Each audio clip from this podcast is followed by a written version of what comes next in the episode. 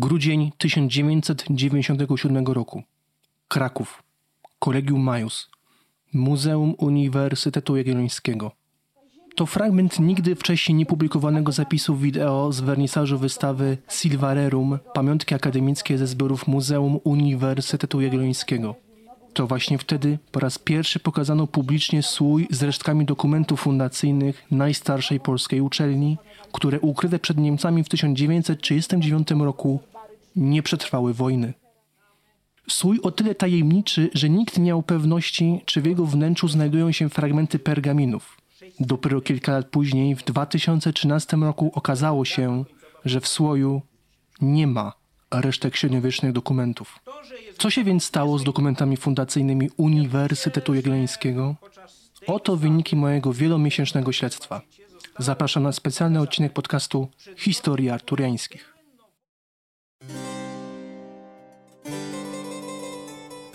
Historie arturiańskie. Podcast Sigillum Authenticum. Are you ready?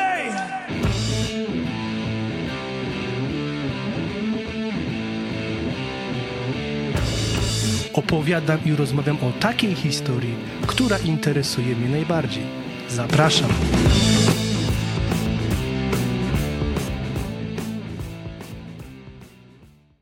Celem tego reportażu nie jest dowiedzenie winy lub niewinności poszczególnych osób zaangażowanych w sprawę utraty aktów fundacyjnych, bo ani jedno, ani drugie nie jest możliwe.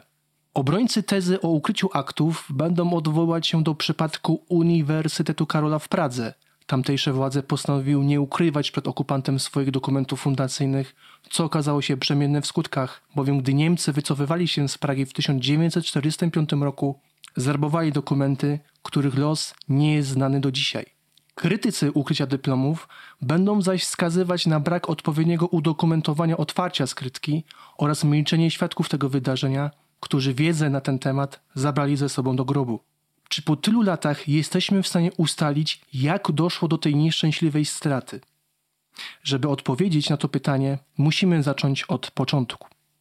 Oto fragment dziennika Bogdana Tretera, wojewódzkiego konserwatora zabytków, który 2 maja 1939 roku zanotował rozmowę z władzami Uniwersytetu Jagiellońskiego na temat zabezpieczenia majątku na wypadek wojny. Następnie prosiłem o informację pana doktora Regułę, sekretarza rektora, który wprost oświadczył, że uniwersytet nic nie przygotowuje, bo jego starania w tej sprawie i przedstawianie projektów w Ministerstwie Wyznań Religijnych pozostały bez odpowiedzi, a cóż dopiero mówić o kredytach niezbędnych na pokrycie kosztów zakupów materiałów, np. na paki czy budowę schronu. Dotąd więc uniwersytet czeka na instrukcje i na kredyty. Bez nich jesteśmy wprost bezradni. Na wiosnę 1939 roku, w obliczu zagrożenia wojennego, na Uniwersytecie Jagiellońskim postanowiono przygotować na własną rękę miejsce do ukrycia najcenniejszych zbiorów uczelni. Nie czekano na instrukcje z ministerstwa ani pieniądze na ewakuację zbiorów. Działania w tym kierunku podjęli pracownicy Zakładu Historii Sztuki, ówczesny kierownik profesor Tadeusz Szydłowski, docent Adam Bochnak oraz dr Karol Estreicher. Zakład znajdował się wówczas w pomieszczeniach Kolegium Novum na parterze na prawo od wejścia do budynku. Bezpośrednio pod zakładem znajdowało się sekretne pomieszczenie bez okien, które od czasów budowy Kolegium Novum pod koniec XIX wieku zostało zaaranżowane na wypadek potrzeby ukrycia kolekcji dzieł sztuki należących do uczelni. W końcu sierpnia 1939 roku schowano tam nie tylko cenne zbiory akademickie, ale również część figur ze zdemontowanego ołtarza Wita Stwosza z kościoła mariackiego. Niestety, po wkroczeniu Niemców do Krakowa i penetrowaniu budynków uniwersyteckich, Sowek został odkryty w marcu 1940 roku. Jak wspominał po wojnie Julian Lis, pedel przy rektoracie w Kolegium Novum, Mogę tylko powiedzieć jedno. Gdybym ja wiedział niektóre tajemnice UJ-u, byłbym dużo rzeczy uratował. A miałem możność, gdyż Germańcy mi ufali i to nazbyt. Ale kiedy i oni się przekonali, że tu są jeszcze majątki, zaraz wystawili wartę SS, gdzie i tym nie ufano, a żeby się nie porozumiewali z nami, to nie wolno było wchodzić na portiernię, jeżeli nie wezwali sami. Po latach od tamtych wydarzeń nie udało się precyzyjnie zlokalizować miejsca Kolegium Novum, w którym znajdowało się sekretne pomieszczenie. dr Marcin Baster, pracownik archiwum Uniwersytetu Jagiellońskiego, przed dekadą próbował ustalić lokalizację skrytki. Jego zdaniem możliwe, że sekretne pomieszczenie znajduje się w miejscu wyłączonym obecnie z użytkowania i stanowi coś w rodzaju pustostanu. Wrócimy jednak do naszej opowieści. Niemcy w 1940 roku nie znaleźli w schowku jeszcze jednej skrytki, która została przygotowana głęboko w fundamencie. To właśnie tam ukryto wspomniane berła, łańcuchy, pierścienie, numizmaty oraz pergaminowe dokumenty fundacyjne. Przed wojną przedmioty te były zdeponowane w sejfach Banku Gospodarstwa Krajowego oraz Banku Związku Spółek Zarobkowych. 31 sierpnia 1939 roku na polecenie rektora Tadeusza Lers-Pławińskiego kierownik sekretariatu Włodzimierz Ottman podjął przedmioty z banków, a dzień później, czyli 1 września, przekazał je Adamowi Bochnakowi, który przystąpił do ich ukrycia. Adam Bochnak jest tutaj kluczową postacią.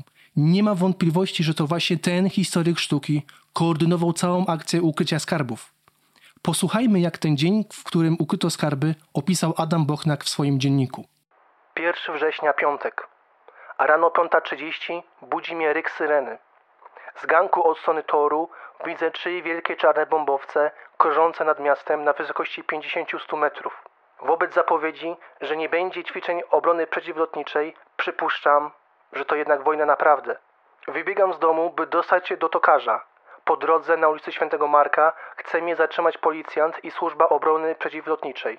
Pobiegłem mimo to dalej i na Sławkowskiej, gdzie w akademii było już wszystko na nogach, otrzymałem od pana Lubowieckiego opaskę żółto-zieloną, która umożliwiła mi dostanie się bez przeszkód na Lubelską. Tokarza już nie zastałem. W bramie jakiś kapitan zaręczał, że to tylko ćwiczenia. Komendant obrony przeciwlotniczej zwracał mu uwagę, by tego głośno nie mówić, bo lepiej będzie, gdy ludzie będą sądzili, że to prawdziwa wojna. Z Lubelskiej na Wyspeńskiego, by się porozumieć Szydłowskim. Po drodze uspokajam podchorążego sanitarnego, że to ćwiczenia, bo tak zapewniał mnie ów kapitan na Lubelskiej. U Szydłowskiego niepewność. Wojna czy ćwiczenia? Wracam karmelicką, gdzie się dowiaduję, że są na szyldach ślady kul z karabinu maszynowego. Więc wojna. W Uniwersytecie Ina Staszewskiego dowiaduję się, że wojna naprawdę. Rozpoczynam służbę obrony przeciwlotniczej na Sławkowskiej, częściowo na Staszewskiego. Mamy więc dość dokładny opis topograficzny, gdzie przebywał Bochnak 1 września.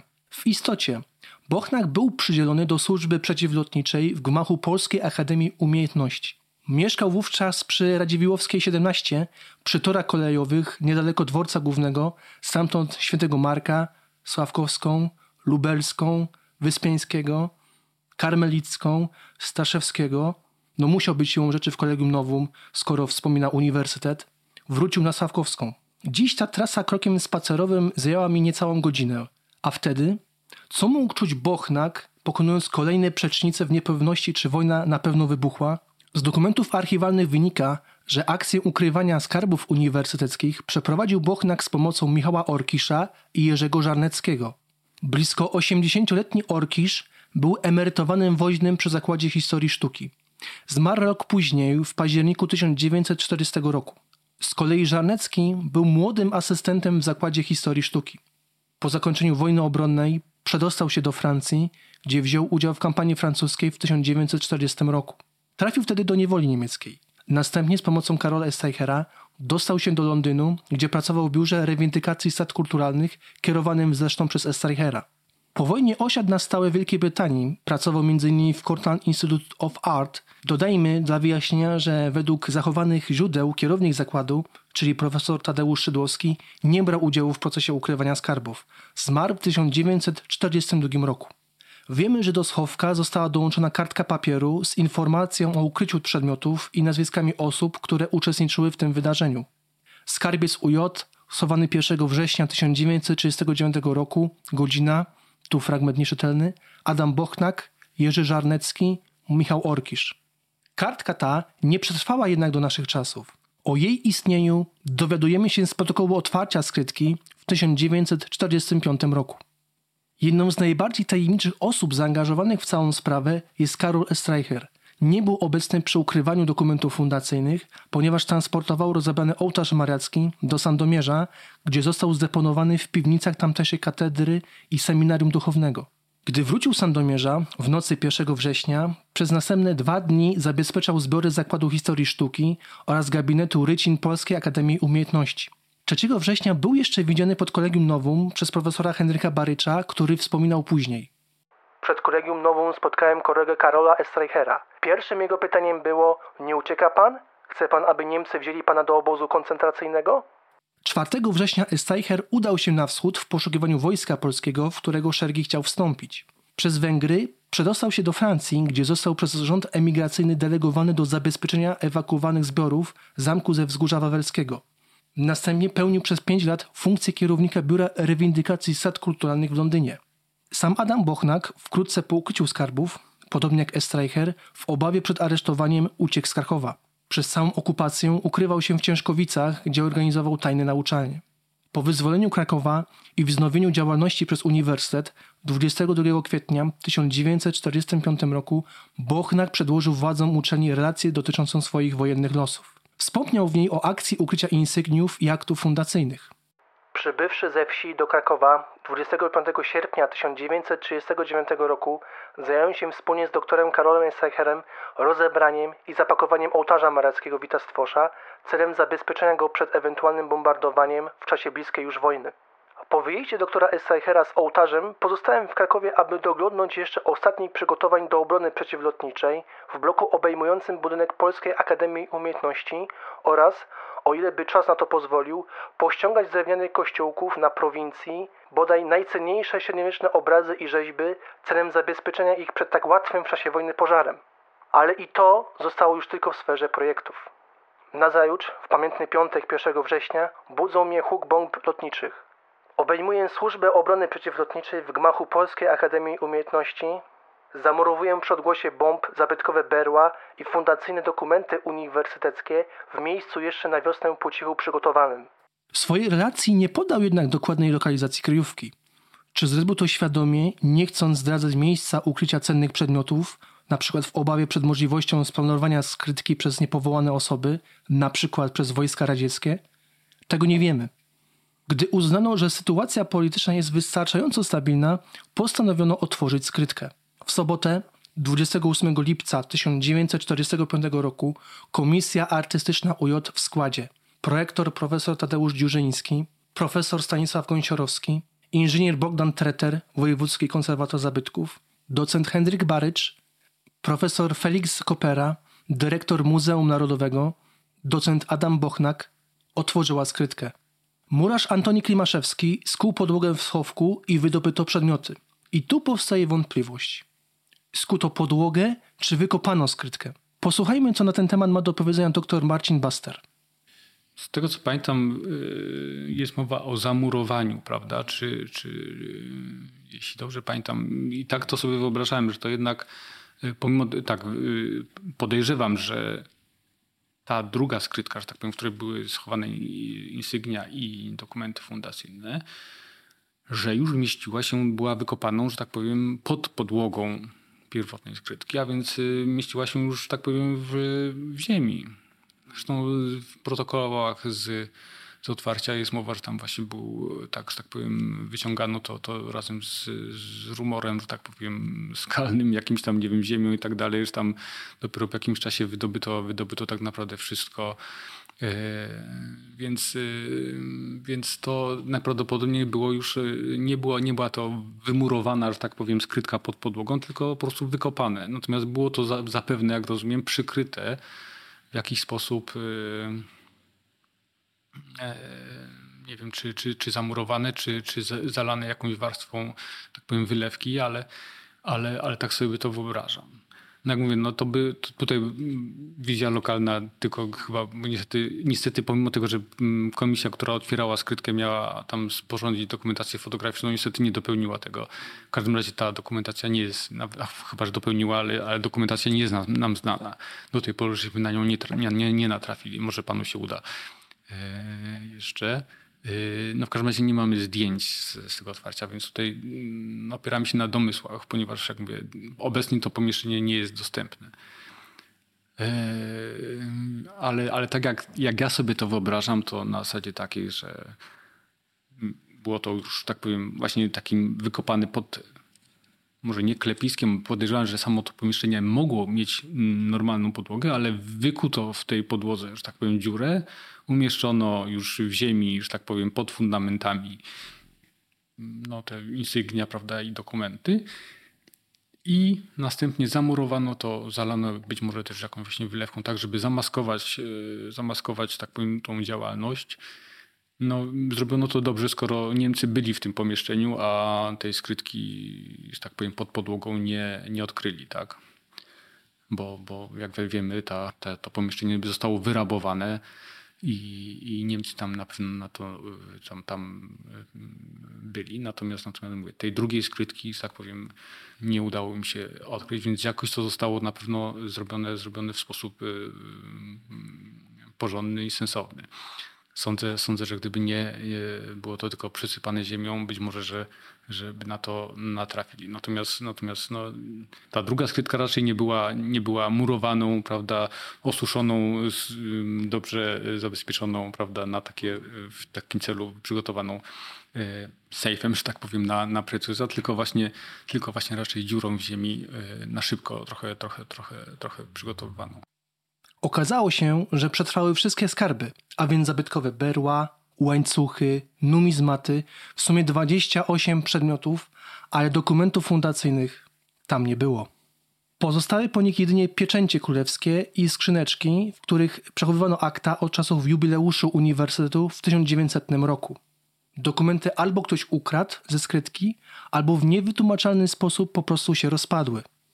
Oliwy do ognia dolewa ekspertyza z 1946 roku, wykonana przez doktorów botaniki Jana i Wandę Zabłockich, według której średniowieczne dokumenty zostały pożarte przez niewielkie stawonogi zwane skoczogonkami.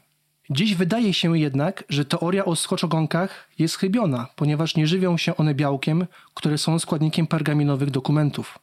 Nikt wówczas nie pomyślał o wykonaniu dokumentacji fotograficznej, być może nie było nawet takiej możliwości. Prawdopodobnie działano w pośpiechu, nie chcąc wzbudzać sensacji w środowisku akademickim i w lokalnej prasie.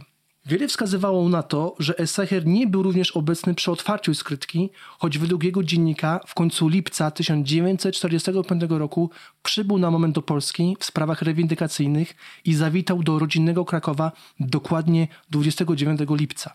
W dzienniku pod datą 30 lipca zapisał, że Bochnak szuka bereł. Można przypuszczać, że nie brał udziału w tych poszukiwaniach, jak również w otwarciu samej skrytki. Znając charakter zapisków Esteichera, takie poszukiwania zostałyby z pewnością udokumentowane. Być może sprawa skrytki nie budziła w nim wówczas większego zainteresowania z uwagi na dużo poważniejsze zadania związane z rewindykacją dzieł sztuki zagrabionych przez Niemców. Głowę zajmowała mu przede wszystkim sprawa odnalezienia ołtarza mariackiego. Do skrytki komisja miała powrócić 1 sierpnia, kiedy zorientowano się, że brakuje dwóch łańcuchów, których nie wydobyto za pierwszym razem, a które zostały tam ukryte w pierwszym dniu wojny. Istnieją również dokumenty archiwalne, które wskazują, że w sekretnej piwnicy w Kolegium Nowum, w której ukryto skarby, był poważny problem z wilgocią i pleśnią. Jak zauważyli dr Marcin Baster i profesor Krzysztof Orzuk, zniszczeniu uległy nie tylko dokumenty fundacyjne, ale zbutwiał również drążek berła Zbigniewa Oleśnickiego. Nowe światło w tajemniczej sprawie może rzucić nieznana wcześniej relacja z otwarcia skrytki. Do tej pory dysponowaliśmy jedynie oficjalnymi protokołami sporządzonymi w dwóch kopiach, na których brakuje podpisu jednego z członków komisji, wspomnianego wcześniej Bogdana Tretera, wojewódzkiego konserwatora zabytków. Zmarł zresztą niedługo po otwarciu skrytki, bo 12 listopada 1945 roku. Istnieje więc przypuszczenie, że protokoły nie zostały sporządzone na bieżąco, lecz dużo później. Przyczyną braku podpisu mogła być albo ludzka opieszałość, albo nadmierne obowiązki. Funkcja wojewódzkiego konserwatora wiązała się z licznymi wyjazdami służbowymi w teren, możliwe więc, że brak podpisu wiązał się z trudną dostępnością konserwatora na miejscu w Krakowie. Odnaleziona przeze mnie relacja pochodzi ze służbowego dziennika Bogdana Tretera, przechowywanego w Archiwum Narodowym w Krakowie. Zacytujmy interesujący nas fragment. 28 lipca 1945 roku. Konserwator brał udział jako członek Komisji Artystycznej UJ w otwarciu schowka zawierającego insygnia UJ. We wskazanym miejscu stwierdzono, że schowek został nienaruszony. Po otwarciu go znaleziono wszystkie złożone tam przedmioty w trocinach i piasku, a więc cztery berła, kilka pierścieni, kilkanaście złotych dukatów, pięć łańcuchów rektora i dziekanów, skrzyneczkę obitą skórą, której otworzyć nie można było, zawierającą zapewne łańcuch królowej Anny Jagiellonki, w końcu dwie niepełne pieczęcie dekretów erekcyjnych. Niestety dokumentów pergaminowych zupełnie nie odnaleziono. Z drobnych czarnych strząbków przy pieczęciach sądzić należy, że pergamin został zupełnie przez wilgoć rozłożony. Obecni byli panowie profesorowie Dziurzyński, Kopera, Gąciorowski, Bochnak, Barycz i konserwator wojewódzki. Ponieważ wyrażono zgodnie zapatrywanie, że należy cały zasób trocin i piasku, jaki się w sowku znajduje, obadać dokładnie, czy w nim jeszcze się co nie znajduje, Doktor Bochnak nie ma spisu przedmiotów, które były schowane ani nie pamięta. Postanowiono tą czynność wykonać w poniedziałek 30 lipca 1945 roku. Celem zabezpieczenia wejścia zabezpieczono je pieczątką konserwatora. Jest rzeczą niezrozumiałą, dlaczego najcenniejsze dokumenty Uniwersytetu Jagiellońskiego nie zostały w sposób zupełnie pewny zabezpieczone przed działaniem wilgoci. Względnie dlaczego nie zostały schowane w innym cichym miejscu. Warto podkreślić jeszcze jeden ważny wniosek płynący z lektury relacji Tretera. Dokumentów fundacyjnych w Sowku nie odnaleziono, znaleziono za to dwie pieczęcie królewskie, na których znajdowały się drobne czarne strząbki, które zdaniem konserwatora wskazują na fakt, że dyplomy uległy zniszczeniu przez wilgoć. Stwierdzono również, że właz zamykający skrytkę pozostał nienaruszony. Hipoteza o kradzieży dokumentów fundacyjnych wydaje się więc mało prawdopodobna. Warto też zwrócić uwagę na informację, że zawartość skrytki, czyli piasek i trociny, postanowiono jeszcze raz przeszukać 30 lipca 1945 roku. Problem w tym, że protokół z tego wydarzenia został spisany 1 sierpnia i znajduje się tam podpis Adama Bochnaka, chociaż wiemy, że go wtedy tam nie było. Wielce szanowny panie sekretarzu, tak się złożyło, że nie mogę być obecny przy kontrolowaniu gruzu z wiadomego schowku. Bardzo proszę, by pan doktor Barycz był obecny i zabrał, co się ewentualnie znajdzie. Łączę wyrazy szczerego pozdrowienia. 29 lipca, Adam Bochnak. Taki dokument odnalazłem w archiwum UJ. No więc komisja ponownie wróciła do skrytki 30 lipca, czy też 1 sierpnia głosi protokół. Najwięcej wątpliwości wzbudza jednak sprawa degradacji średniowiecznych dyplomów. Należy w tym miejscu podkreślić, że nie istnieją żadne inne znane przekazy źródłowe świadczące za ukryciem dokumentów w innym miejscu. Na panującą wilgoć narzekano praktycznie od początku powstania Kolegium Nowum. Grzyba i wilgoci obawiał się już Józef Łebkowski, który jeszcze w trakcie budowy nowego kolegium upraszał Senat Akademicki w 1883 roku nie tylko o urządzenie sekretnego pomieszczenia pod gabinetem historii sztuki, ale o wymalowanie ścian specjalną substancją przeciwgrzybiczną. Obawy uczonego były słuszne, bowiem już w 1891 roku informował Senat uczelni o pobraniu z kancelarii uniwersyteckiej zapasowego klucza do zejścia do skrytki w celu ponownego dopasowania go do kafla w podłodze po konserwacji posadzki z powodu grzyba. Jednym z powodów powstających problemów z wilgocią był zapadający się bruk wokół Kolegium Nowum, skutkiem czego powstawały dużych rozmiarów kałuży wody deszczowej, a woda dostawała się do murów i ścian gmachu. W pomieszczeniach parterowych Kolegium Nowum znajdowały się mieszkania woźnych poszczególnych zakładów naukowych. Również w tych pomieszczeniach zapadała się podłoga i gniła od wilgoci, a ściany pokrywały się grzybem. Możliwe więc, że przy wejściu do suteren Kolegium Nowum można było poczuć dość charakterystyczny zapach steklizny. Pewną poszlaką wymagającą dalszej weryfikacji jest zeznanie kustosza zbiorów sztuki we Wrocławiu Erisia Majera Heisiga, który w czasie okupacji Krakowa został ściągnięty do rabowania najcenniejszych zabytków. Zeznał, że gdyby nie odkryto pierwszego schowka pod posadzką Zakładu Historii Sztuki i nie udałoby się wynieść zgromadzonych tam przedmiotów, uległyby zniszczeniu, gdyż zimą 1940 roku pękła rura instalacji grzewczej i woda zalała podłogi. Czy więc możliwe jest, aby nieodkryta przez Niemców skrytka z berłami i dokumentami fundacyjnymi stała przez pewien czas w wodzie? Inny świadek otwarcia skrytki, Henryk Barycz, po wojnie zbierał materiały na temat wojennych losów pracowników i zakładów naukowych Uniwersytetu Jagiellońskiego.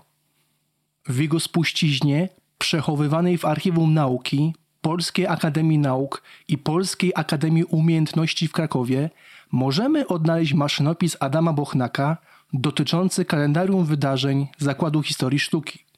Oto jak opisał sprawę ukrycia dokumentów fundacyjnych.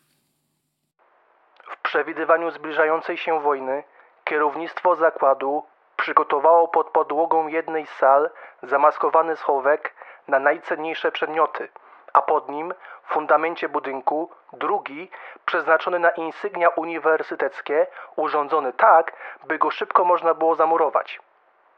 Schowek górny wypełniono pod koniec roku akademickiego 1938-1939 najcenniejszymi dziełami sztuki Zakładu Historii Sztuki, dolny zaś pozostawał do chwili wybuchu wojny pusty. Dopiero w godzinach przedpołudniowych dnia 1 września 1939 roku, już w czasie nalotów bombowych na Kraków, otrzymał docent Bochnak szereg przedmiotów Senatu Akademickiego z poleceniem ich zamurowania. Robotę tę wykonał własnoręcznie, zacierając możliwie najstarajniej wszelkie ślady za pomocą cementu i piasku. I ręczny dopisek na dole strony. Czasie komisyjnego otwarcia tego schowka w lecie 1945 roku okazało się, że Niemcy go nie zauważyli. Ukryte w nim metalowe insygnia dochowały się znakomicie, natomiast pergaminowe dokumenty zupełnie zbutwiały. Maszynopis datowany jest na 6 września 1945 roku. Co ciekawe, Bochnak nie wspomina w nim o pomocy Orkisza i Żarneckiego w ukryciu skarbu. Karol Esteicher, mimo że nie był świadkiem zamknięcia ani otwarcia skrytki, musiał mieć sporą wiedzę na ten temat. Na łamach swoich dzienników odnosił się jednak lakonicznie do sprawy. Pewność co do pomyślności akcji ukrycia przed Niemcami insygniów uniwersyteckich uzyskał dopiero 22 kwietnia 1940 roku. Będąc na emigracji w Paryżu, informacje na ten temat przekazała specjalnym grepsem jego narzeczona, Teresa Lasocka, która dowiedziała się o zabezpieczeniu insygniów od Michała Orkisza. We wpisach w dzienniku Esteichera o skrytce uderza jednak coś innego. Nie wspomina o dokumentach fundacyjnych, lecz tylko o berłach. Dopiero po latach Esteicher powrócił do sprawy, oceniając, że skrytka od początku była przygotowana do ukrycia w niej wyłącznie zabytków metalowych. Tym samym zrzucił całą odpowiedzialność za utratę dokumentów na Adama Bochnaka. Wybuchła II wojna światowa. W pierwszy jej dzień, pod moją nieobecność w Krakowie, 1 września 1939 roku, Bochnak w skrytce pod piwnicami Kolegium Novum zamurował berła uniwersyteckie. Popełnił przy tym kolosalny błąd, bo zamurował w ziemi również pergaminowe dyplomy Kazimierza Wielkiego i Władysława Jagieły z 1364 i 1400 roku. Mnie, powtarzam, nie było w Krakowie. Byłem w Sandomierzu z ołtarzem mariackim, który tam ukryłem. Potem, w 1945 roku, kiedy Niemców wygnano, okazało się, że dyplomów nie ma, zbutwiały. Indagowany Bochnak zaczął opowiadać, że do skrytki, którą Essayher przygotował, schowano dyplomy. Stworzył pozór mego współudziału w tym lekkomyślnym postępowaniu. Istotnie, skrytkę przygotowałem, ale na berła uniwersyteckie, na srebra, a nie na dyplomy. Gdzieżbym dyplomy schował do ziemi? Niemniej odpowiedzialnością współobciążył mnie. I na koniec wręcz sensacyjne odkrycie z ostatniej chwili. W Bibliotece Czartoryskich odkryłem relację kolejnego świadka otwarcia skrytki, profesora Stanisława Gąsiorowskiego. 28 lipca 1945 roku o 10.30 rano było posiedzenie Senackiej Komisji Artystycznej w Uniwersytecie Jagiellońskim. Odbyło się otwarcie skrytki z insygniami i innymi przedmiotami cennymi stanowiącymi własność uniwersytetu. Skrytka znajdowała się pod podłogą w dawnym mieszkaniu jednego z woźnych uniwersyteckich na parterze Kolegium Novum od strony ulicy Jagiellońskiej. Obecni byli prorektor Dziurzyński, dyrektor Kopera, docent Bochnak, konserwator Treter, archiwariusz uniwersytecki Barycz i ja. Rektor Lers Pławiński oglądał także wydobyte przedmioty. Stwierdziliśmy rozpadnięcie się w proszek lub małe skraweczki pergaminów dokumentów erekcyjnych uniwersytetu. Pieczęcie przy nich zachowały się jednak, monety złote ocalały. Były one złożone w skrytce w zakładzie sztuki, zrobionej zaraz po wybuchu wojny.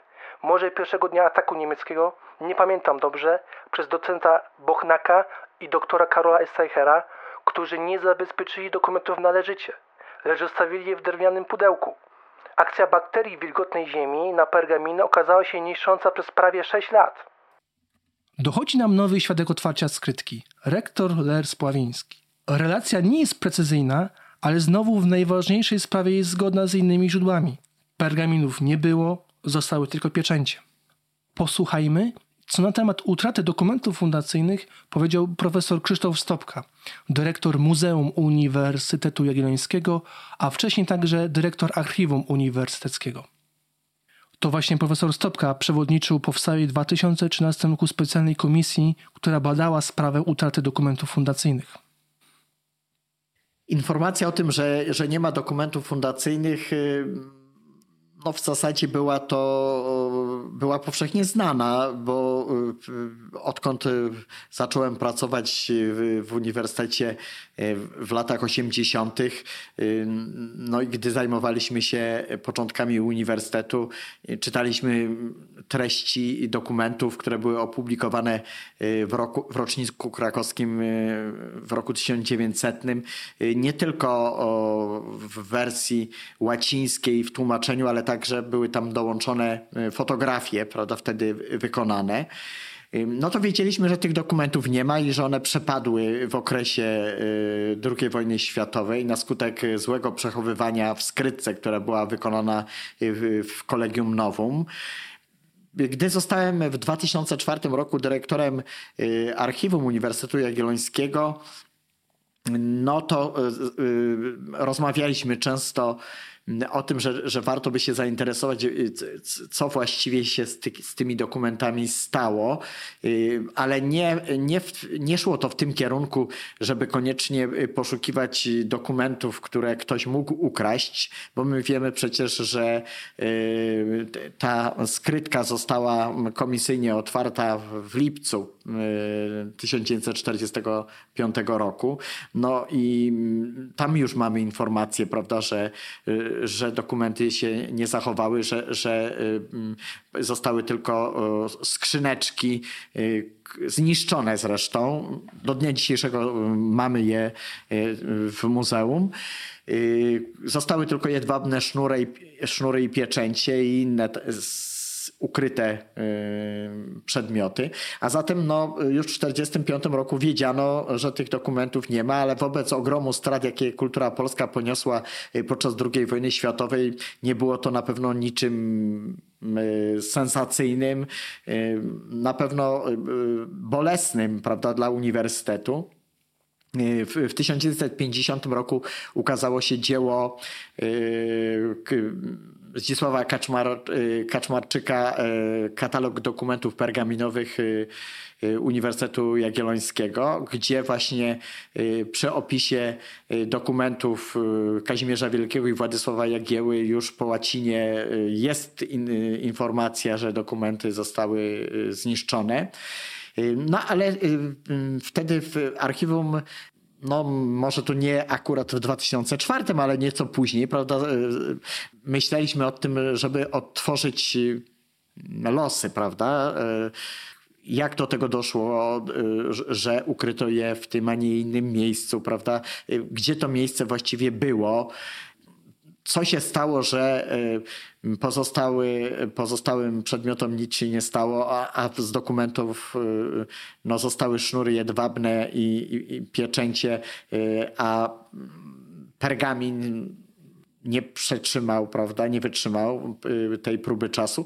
No i, i mm, takim tajemniczym elementem dla nas zawsze był słój znajdujący się w Muzeum e, Uniwersyteckim, e, który e, od czasów Karola Streichera które, o którym od czasów Karola Streichera mówiono, że zawiera resztki po dokumentach, które zostały zniszczone podczas II wojny światowej. No już wtedy mówiliśmy, że, że właściwie warto by przebadać ten swój pod kątem zawartości. Nieraz te nasze nadzieje były na, na tyle duże, że, że, że się, że może tam są jakieś kawałki, gdzie, będą widoczne jeszcze fragmenty tego średniowiecznego duktu, bo czy charakteru pisma, bo, bo przecież na fotografiach bardzo dobrze no, widać jest, prawda, jak ten dokument był spisany. No więc spodziewaliśmy się, że w tym słoju będą właśnie fragmenty pergaminów. Myśleliśmy, że może na większych takich fragmentach znajdziemy fragmenty, znaczy zobaczymy ten, to średniowieczne pismo. No i to oczywiście okazało się tym właśnie żartem Karola Streichera, możemy powiedzieć, bo zapewne Karol Streicher chciał symbolicznie pokazać, jaki los dotknął te najstarsze dokumenty uniwersyteckie. Mm, no i dlatego wymyślił sobie ten słój, y, w którym znalazły się y, oczywiście mm, jakieś gazety y, już z okresu II wojny światowej, bo po zbadaniu okazało się, że są to fragmenty jakichś gazet niemieckich, jeszcze inne, prawda, no nie wiem, czy tam i drzask jakiś nie było, prawda, y, drewnianych z, tego, z drewna, no tego już dokładnie nie pamiętam. Y, generalnie sam Karol Streicher y, przy projektowaniu skarbca przewidział miejsce na wyeksponowanie no, faksymiliów tych utraconych dokumentów. Tadeusz Przypkowski na podstawie owych fotografii z roku 1900 ręcznie y, no, przepisał jakby jeden i drugi dokument i, i te, te dokumenty y, są eksponowane, prawda, obok y, skarbca, gdzie przechowywane są berła i inne cenne uniwersyteckie przedmioty. No i, i właśnie być może, że przy okazji tego przepisywania powstała ta idea, żeby tak symbolicznie pokazać to zniszczenie tych dokumentów. Wiemy, że Karol Streicher w ogóle nie był obecny podczas otwarcia tej skrytki, a więc sam no, no nie mógł prawda, niczego z niej wynieść, prawda? Więc ten słój, jak powiedziałem, był taką zagwostką dla nas przez jakiś czas. No, dlatego, gdy zostałem w 2012 roku dyrektorem Muzeum Uniwersytetu Jagiellońskiego, no to mogliśmy y, zbadać tę sprawę. Powołaliśmy wspólnie z archiwum y, UJ taką komisję do mm, ustalenia y, losów tej, tych najstarszych naszych dokumentów. No, takim, można powiedzieć, wynikiem pewnym to było stwierdzenie, że, że, że słój właśnie jest wytworem fantazji Karola Streichera, no i w słoju nie znajdują się fragmenty nawet y, tychże dokumentów. Natomiast y, pytanie, jakiego rodzaju procesy gnilne czy jakieś inne tam zaszły, no, no pozostaje bez odpowiedzi, bo to nie jest pytanie też do historyka, prawda? Tylko na takie pytanie mogą mm, odpowiedzieć nie wiem, czy archeolodzy, czy przedstawiciele dyscyplin biologicznych, prawda? No bo wiemy, że pergamin to jest skóra zwierzęca, też nie taka łatwa do zniszczenia, no jednak no, y, panujące warunki y, w tej skrytce wystarczyły, żeby, y, żeby te dokumenty no, zniszczyły się. W sprawie losów dokumentów fundacyjnych Estreicher zostawił jeden trwały, wręcz kontrowersyjny ślad. Pozostałości aktów założycielskich zebrano do specjalnego słoja i wraz z fragmentami skrzyneczek przekazano do zbiorów Muzeum Uniwersyteckiego. Dopiero prace konserwatorskie wykonane kilka lat temu wykazały, że w słoju nie znajdują się szczątki średniowiecznych dokumentów, lecz piasek, kamienie i ścienki starych gazet. Zaczęto więc powątpiewać w faktyczną zawartość słoja, która mogła nie pochodzić wcale z miejsca skrytki. Estreicher był mistrzem kreowania historii, których nie było. Wiele jego pomysłów wytrzymało jednak próbę czasu, jak chociażby słynna uniwersytecka dewiza plus ratio quam vis, którą wymyślił Estreicher. Przeciwnicy zarzucają mi, że fałszuję. To niedobre słowo, bo zawiera w sobie nieuczciwość. Właściwszy wyraz to podrabianie lub najlepiej rekonstrukcję. Co wieki u nas zniszczyły, to ja rekonstruuję. To pokazuje, jak trudne jest badanie tej sprawy i jak uważnym trzeba być, czytając informacje o działalności Karola Estreichera. Idąc logiką Estreichera, należy uznać, że słój ma stanowić symboliczne wyrażenie nieszczęśliwej straty. Anna Piskosz, emerytowana kustoszka muzeum, pamięta, że słynny słój z symbolicznymi szczątkami dokumentów fundacyjnych stał w latach 60. i 70. w jednej z szaf librarii w Kolegium Majus. Akta fundacyjne Uniwersytetu Jagiellońskiego szczęśliwie zostały uwiecznione przed wojną na fotografiach. Z inicjatywy historyka profesora Stanisława Krzyżanowskiego wykonano zdjęcia obydwu dyplomów w skali 1 do 1 przy okazji wspomnianego już jubileuszu uczelni w 1900 roku. W zbiorach Muzeum Uniwersytetu Jagiellońskiego znajdują się szklane klisze fotograficzne oraz odbitki przedstawiające obydwa dokumenty fundacyjne. I na koniec pytanie. Czy historyk jest skazany wyłącznie na swoją wyobraźnię i tworzenie hipotetycznego przebiegu wydarzeń? Jak dotąd nie udało się rozdać wielu wątpliwości wokół osławionej już skrytki w Kolegium Nowum, w której 1 września 1939 roku Adam Bochnak, Jerzy Żarnecki i Michał Orkisz złożyli dokumenty fundacyjne wraz z innymi zabytkowymi przedmiotami. Nie dziwi więc, że w dobie fake newsów i clickbaitów sprawa stała się przedmiotem sensacyjnych doniesień prasowych, w których rozwijano hipotezy stojące w sprzeczności z dotychczasowym stanem badań jak chociażby ta mówiąca o tym, że dokumenty fundacyjne przetrwały i są gdzieś ukryte przez Karola Estreichera. Po analizie wszystkich dowodów, źródeł, argumentów, uważam, że dolna skrytka, w której ukryto dokumenty fundacyjne, została na pewien czas zalana wodą. Być może kluczem do zagadki jest wspomniana wyżej awaria instalacji grzewczej, woda, która spowodowała rozkład pergaminu. Komisja działająca na uczelni w 2013 roku w celu wyjaśnienia sprawy utraty dokumentów fundacyjnych niestety nie postawiła przysłowiowej kropki nad i. Y, y, zabrakło y, z tego powodu, że, że w zasadzie te badania miały się toczyć dalej i miały mieć swoją kontynuację, jednak wybuchła pandemia, prawda? I, i, i właściwie brak tej kropki to jest skutek jeszcze pandemii, ale no myślę, że, że, że zakończymy to, yy, pracę tej komisji jakąś publikacją prawda, na temat tych yy, ostatnich losów dokumentów uniwersyteckich. I paradoksalnie, jak wiemy, nie, nie ukrywano w czasie wojny dokumentu miasta Krakowa, wystawionego w tym samym dniu, w którym Kazimierz Wielki wystawił przywilej dla uniwersytetu.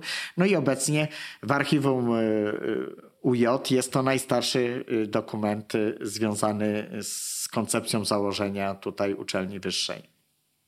Na ekspozycji stałej Muzeum Uniwersytetu Jagiellońskiego w tzw. Tak pierwszym skarbcu prezentowane są dzisiaj kopie dokumentów fundacyjnych wykonane w latach 50. przez Tadeusza Przepkowskiego.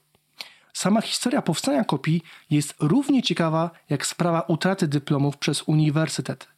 Ale to już jest opowieść na zupełnie inny odcinek podcastu.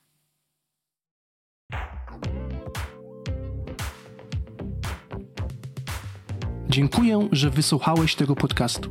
Jeśli chciałbyś posłuchać więcej takich historii przygotowanych w artujańskim stylu, koniecznie zasubskrybuj i udostępnij mój podcast. Możesz też postawić mi wirtualną kawę w serwisie Buy Coffee. Do zobaczenia w kolejnym odcinku.